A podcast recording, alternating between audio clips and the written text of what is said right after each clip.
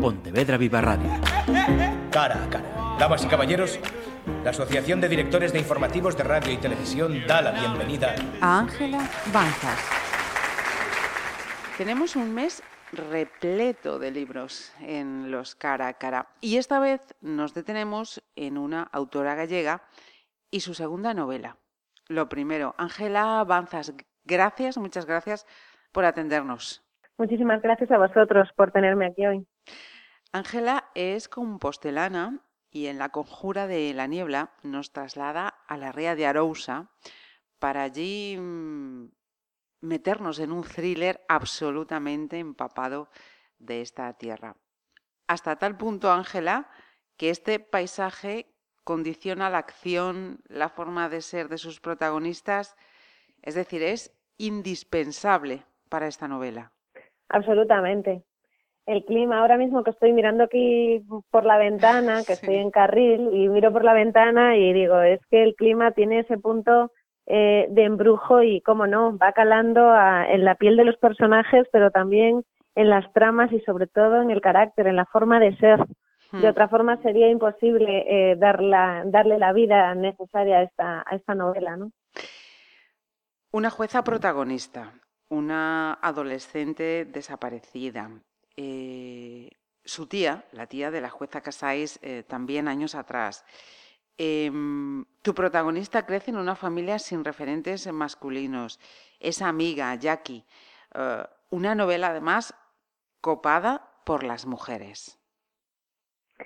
Sí, sí, en este caso es una novela que tiene, bueno, tiene un peso, en este caso de género, eh, porque en esa familia efectivamente sí que tiene un referente paterno, la, la jueza, pero son padres divorciados y bueno, ella vive bajo en una casa con otras dos mujeres, ¿no? En este caso su madre y su abuela. Es una casa en la que, que está inundada de, de, silencios, de sombras, de secretos, donde huele, huele a cera, huele a, a, a, muchos, a muchas cosas que, que se ocultan tras, tras las paredes, ¿no? Mucha, mucha oscuridad en el pasado de, de la familia. Y ella pues crece sin, sin saber, sin saber nada de eso, hasta que llega a un punto en el que cuando desaparece la joven Paulina May, eh, tiene que tirar, digamos que tirar del hilo y, y bucear, buscar, rebuscar dentro de, de ese pasado y dar con el, otra desaparición que es en su propia familia, como bien decías, 30 años atrás, su propia tía. Y en todo este universo de personajes femeninos, mm, me llama la atención que mm, haya un nombre masculino, el de Amaro, mm, para un personaje icónicamente femenino, el de las meigas. ¿Por qué ha sido esto? Es que no es un, exactamente un meigo, es un curandero. Y entonces yo yo personalmente, o sea, todos los... Es verdad que la, la, la meiga o la bruja, sí. que es verdad que desgraciadamente está más asociada a la mujer en el imaginario popular pero el curandero, que también hay curanderas, pues está muy asociado también al masculino. Yo personalmente debo decir que desde niña que he conocido unos cuantos curanderos y han sido siempre figuras masculinas. Y, y, me ha parecido siempre una figura muy peculiar, como no, eh, una, una persona que está dotada de esa docta ignorancia que afirman sobre todo cuando yo me estaba documentando y me lo y me bueno fui a ver a un curandero en concreto que digamos que es el que ha inspirado más le ha dado más eh, forma al personaje de Amaro. Y, y este y este hombre o sea realmente pues afirman pues no saber nada del mundo no tiene digamos que unos conocimientos reglados no homologados nada oficial. Pero pero en cambio te das cuenta que tiene eh, digamos ese conocimiento del mundo conocimiento de siglos atrás de años que mm, sobre todo, sobre todo sobre la existencia. Entonces, eh, no es un adivino ni nada por el estilo, es una persona, son personas que, que suelen pues tener conocimientos eh, sobre hierbas, eh, medicinales, y dan consejos que son más, más bien ambiguos, en forma a veces pues de acertijos vitales. fuera de Galicia se cree que esto a lo mejor es un es más anecdótico de lo que realmente es, o que está mucho más alejado en el tiempo de lo que no está de hecho. Y a día de hoy, pues todavía males como el mal del aire y todo esto, pues eh, es algo que todavía en fin. E, sí, ya por el nombre, ya fuera de aquí puede llamar la atención, ¿no? ¿Cómo, que mal de... sí, sí. El mal de aires, claro. Y hay gente que, pues, o sea, que existe, quiero decir que todavía está en, eh, está en el ideario de, de nuestro día a día y bueno y ya de generaciones eh, cuanto más otros vayamos todavía más, sí, sí, sí, sí, y mm, en estas páginas y prácticamente va a colación con lo que ahora mismo nos estabas contando hay igualmente eh, muchísima cultura popular mucha tradición mucha eh, mitología um, es un reflejo de, lo que tú has sido imbuido escuchando a lo largo de tu vida, Ángela, o, también que has mencionado antes cuando yo investigaba, es el resultado de esa otra parte. Es, una, es, el resultado de ambos factores. O sea, yo por un lado, yo eh, soy gallega y toda, y toda mi vida, pues, eh, pues eh, de forma consciente e inconsciente, pues me, me, me he visto pues em, eh, rodeada de todo, pues lo, bueno, más que rodeada, o sea, atravesada, traspasada y efectivamente imbuida de, de, todas nuestras tradiciones, nuestra cultura, la forma de ser. Y esto es algo que después cuando ya he querido mm, escribir una novela, abordar una novela, eh, necesariamente pues ya le, buscas más soporte, ¿no? Documental, verlo arreglado, pero hay mucho conocimiento nuestro que no está en los libros. Eh, y hay gente muy, eh, grandes expertos, ¿no? Eh, en la, universidad y tal, pues que es verdad que ya eh, algunos eh, estudios que he estado viendo y demás, que lo, fin, lo recogen con, con muchísima precisión. Pero eh, aún así hay muchas historias todavía y en función de la zona de la que estés, eh, hay, hay siempre matices, ¿no? y esto es algo que yo siempre me ha llamado mucho la atención, porque, claro, porque realmente nosotros, mm, cuando dices, ¿y por qué hacemos las cosas como las hacemos? ¿O por qué la forma de ser gallega que tanto se habla? Yo, yo siempre digo, yo descubrí que era eh, mucho más gallega de lo que soy cuando me fui a vivir a Madrid. Ahí descubrí todas mis singularidades propias de ser gallega. Y, y, entonces, claro, ahí te, todavía esa pregunta que, que yo ya en otras ocasiones me había hecho de ¿por qué nuestra forma de ser, no? Porque sí que hay algo, hay, hay unas características comunes a todos nosotros, la forma de ser, la forma de pensar, la forma de hablar, la forma de responder y, y todo, y después ya pequeñas cosas del día a día que nosotros, eh, pues, bueno, yo en mi caso, en mi casa se hacía y en otros sitios te das cuenta que no se hacen. Entonces, pues, hay que echar la vista atrás. Y para esto eh, era necesario, pues, yo recurrir a mi pasado y empezar a, ver, ah, pues mira, pues, el, pues ¿por qué los cuentos estos de viejos que te iban contando eh, cuando mm, alrededor del fuego, como se suele decir, y te contaban unas cosas y otras, y, y en lugar de denostarlo, pues es ponerlo todo eso en valor y, y, y, seguir aprendiendo, porque la forma de aprender no solamente mirar hacia las novedades, hacia lo que está hacia, hacia adelante, hacia el futuro. mantenerlo, eh, sí, sí, sí. Claro, sino ser, eh, tener una perspectiva crítica y con cierta retrospectiva, mirar hacia el pasado, mirar el presente, estar también con la lupa delante del, encima del presente para poder abordar el, futuro, ¿no? No solamente todo lo que está por venir eh, tiene necesariamente que ser mejor, sino que tenemos que tener muy en cuenta también todo lo que ya está trabajado. Estos señores de los que yo te hablaba de curanderos, estos curanderos, eh, ellos eh, afirman no, no tener conocimientos reglados, demás, no haber ido a la universidad, y en cambio eh, te das cuenta que tienen todo ese conocimiento de años. Que han ido eh, manteniendo, sí, sí, y, que, son, claro, y que son capas y capas y capas eh, que, que, te van, vamos, calando hasta lo más trascendental, podría decirse, ¿no? A nivel vital. sin duda. Y mm, mira, al igual que tu primer libro, El silencio de las olas, en, en esta segunda novela también te, te despliegas en el thriller.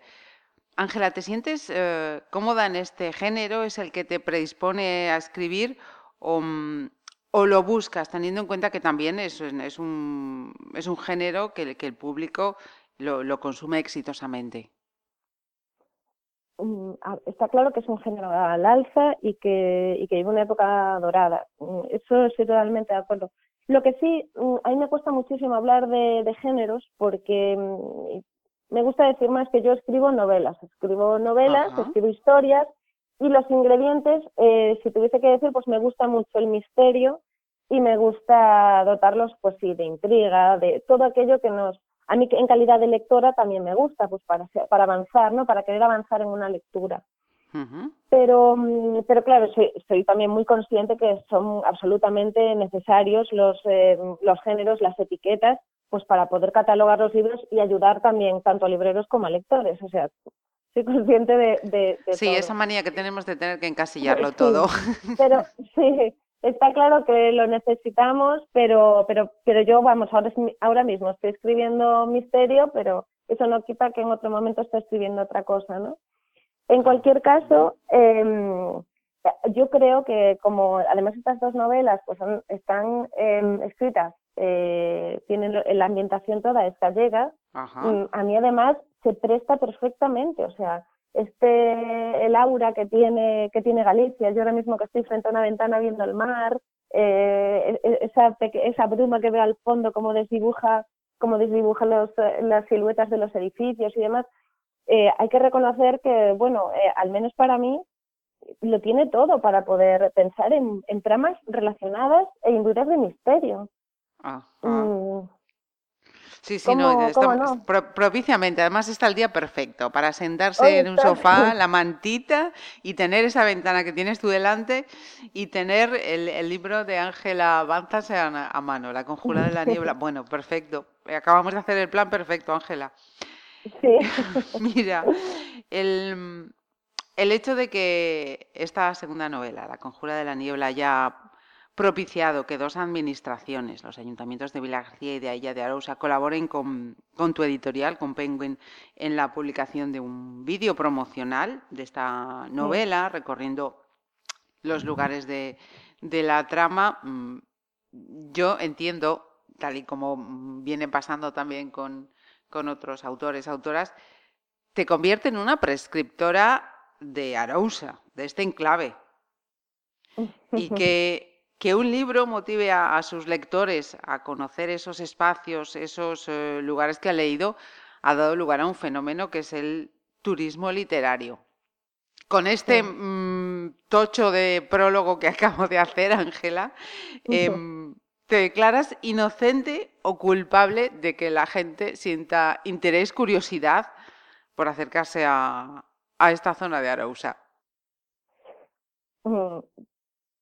Yo me, me, permitirás que sea un poco en ese sentido gallega, no, ni inocente ni culpable. Pero te doy una explicación, claro. Ahí me gusta trabajar mucho la ambientación. Lo disfruto mucho, lo disfruto mientras lo estoy escribiendo y porque también en calidad de lectora es algo que yo valoro y disfruto mucho ¿no? con otras lecturas. Entonces yo trabajo mucho la ambientación. Me encanta el saber, ya recibiendo pues lo que, lo que me van dando, eh, lo que me van contando los lectores, mm, que, que, digan que les transporto aquí, que es que lo sienten o que tienen muchas ganas de venir, que pues eh, en ese sentido, pues inocentemente quizá, pero culpable también porque, porque cuando a ti te gusta mucho algo, se nota a través de las letras, evidentemente. Entonces, cuando a ti te gusta un libro, lo recomiendas. Pues cuando te gusta un lugar, lo recomiendas. igual que cuando te gusta un plato eh, eh, de un determinado restaurante, lo recomiendas. Y además vivimos en una época muy de recomendar, o sea, ahí está. Todo, todos estamos buscando comentarios acerca de, porque parece que ya lo de la prueba y error, mm, si lo podemos casi casi delegar, ¿no? Es como lo que le gusta a la mayoría, pues malo será que a mí no me guste. Y entonces eh, nos dejamos, eh, en ese sentido, sí que estamos todos muy abiertos, muy permeables a, a, las a las opiniones y a las recomendaciones. En ese caso, yo que me trabajo las ambientaciones y lo hago con el, con el cariño, con lo que me evocan a mí, con lo que necesita también la trama, pero siendo eh, muy fiel a lo, que, a lo que estoy viendo y sintiendo sobre todo, porque me gusta mucho tratar de trasladar esas sensaciones que tengo yo en los lugares pues al papel y que llegan, saber que están llegando, que traspasan, que llegan a los lectores, pues claro, los lectores dicen, pues yo quiero sentir todo eso, porque hay determinadas sensaciones como el olor, el olor que, que hay aquí, pues que, que eso, claro, el lector no lo puede percibir, lo puede imaginar, intuir incluso, pero no lo puede sentir, ¿no? Y no es lo mismo.